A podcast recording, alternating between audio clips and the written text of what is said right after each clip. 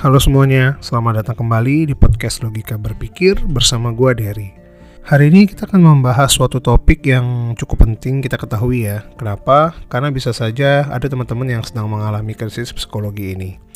Topik kita hari ini adalah quarter life crisis atau yang sering kita dengar di keseharian kita, galau. So, apa sih quarter life crisis?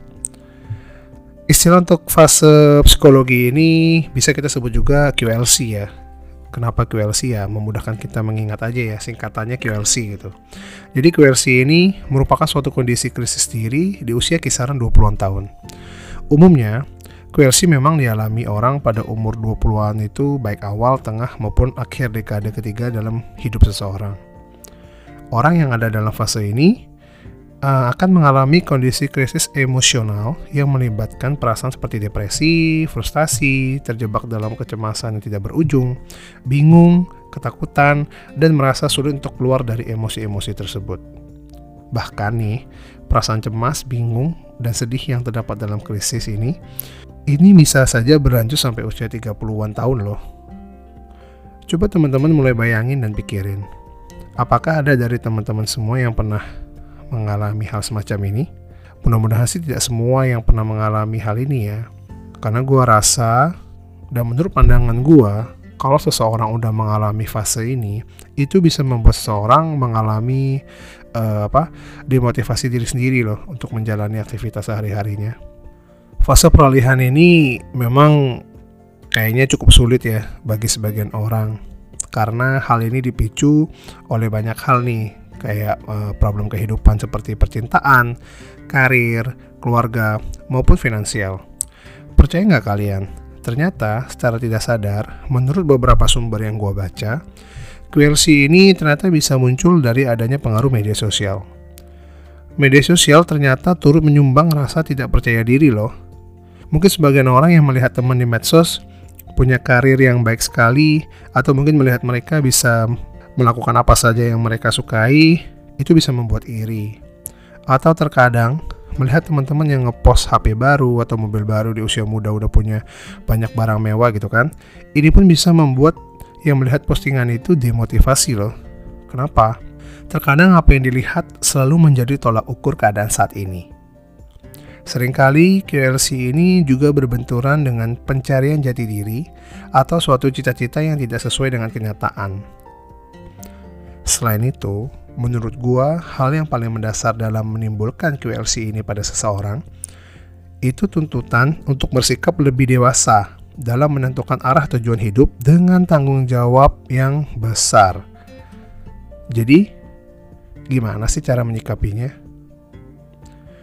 Jadi gue udah mencoba mencari beberapa referensi dan gue udah banyak membaca ya. Menurut gue ada beberapa cara uh, kita bisa mencoba menyikapi hal ini. Yang pertama itu kita bisa mulai bersabar dengan proses diri kita sendiri. Kita semua percaya ya bahwa semua orang punya timeline hidupnya masing-masing. Jika belum waktunya untuk berhasil, ya udah bersabar aja. Tapi kan bersabar bukan berarti pasrah, tapi membiarkan dan mengizinkan diri untuk melakukan yang terbaik sebisa mungkin dan mengharapkan hasil yang terbaik. Terus selain itu kita juga nggak boleh nih terlalu sering membandingkan diri sendiri dengan orang lain. Kita boleh banget melihat kesuksesan orang lain sebagai motivasi untuk memacu semangat, tapi tidak untuk menjadikan kita terpuruk. Jalan dan cerita hidup orang tuh masing-masing berbeda. Kita harus fokus aja dengan tujuan kita serta progresnya dan nikmati aja prosesnya. Banyak juga orang yang berpikir ya, dia nggak merasa hidup di masa sekarang karena dia selalu berpikir seandainya seandainya. Coba deh mulai menghindari berpikir seandainya. Karena hanya akan membuat apa ya membuat kita tuh semakin menyesali keputusan yang udah pernah dibuat. Simpelnya ya masa lalu untuk direfleksikan dan dievaluasi aja sehingga bisa berdamai dengan diri sendiri tak luput juga gue cuma bisa bilang bahwa kita semua ini kan manusia yang apa ya diwajibkan untuk berusaha dan berserah diri. Kita tidak akan mampu melakukan apa pun tanpa ada bantuan dari campur tangan Tuhan. Berserah diri atas hasil akhir kepada Tuhan mungkin akan membuat pikiran dan jiwa menjadi jauh lebih tenang. Selain itu, gue rasa berdamai dengan diri sendiri ini benar-benar penting loh. Kenapa?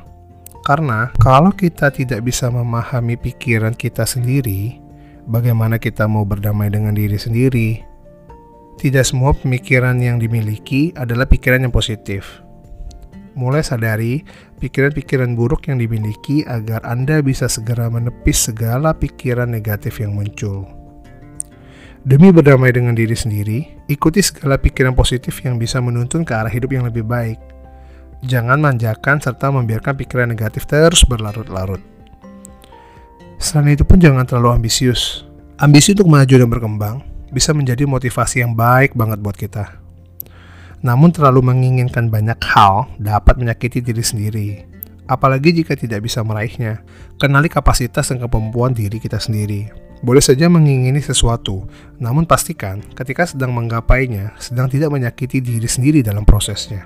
Berdamai dengan diri sendiri juga berarti mengurangi potensi untuk menyakiti diri sendiri. Bener gak sih? Sebagai manusia biasa, tidak mungkin terhindar dari rasa takut, sedih, dan kecewa. Bahkan orang yang sukses dan bahagia pasti pernah merasakan perasaan-perasaan itu. Hadapi perasaan tersebut ya dengan kuat lah, dengan tegar, dan terima perasaan itu dengan baik. Jangan berusaha untuk menghindarinya atau berpura-pura tidak merasakannya, karena hal itu hanya menunda diri untuk melaluinya. Beri diri waktu untuk memproses perasaan tersebut dan melakukan sesuatu atasnya sebagai bagian dari berdamai dengan diri sendiri. Kebutuhan yang lebih besar yang harus jadi concern kita sebagai milenialis adalah kebutuhan akan aktualisasi diri. So, di usia 20-an, bekerja atau berkreasilah untuk mengaktualisasi diri. Keep learning and keep upgrading our skill. Gua Derry, sampai bertemu di episode berikutnya.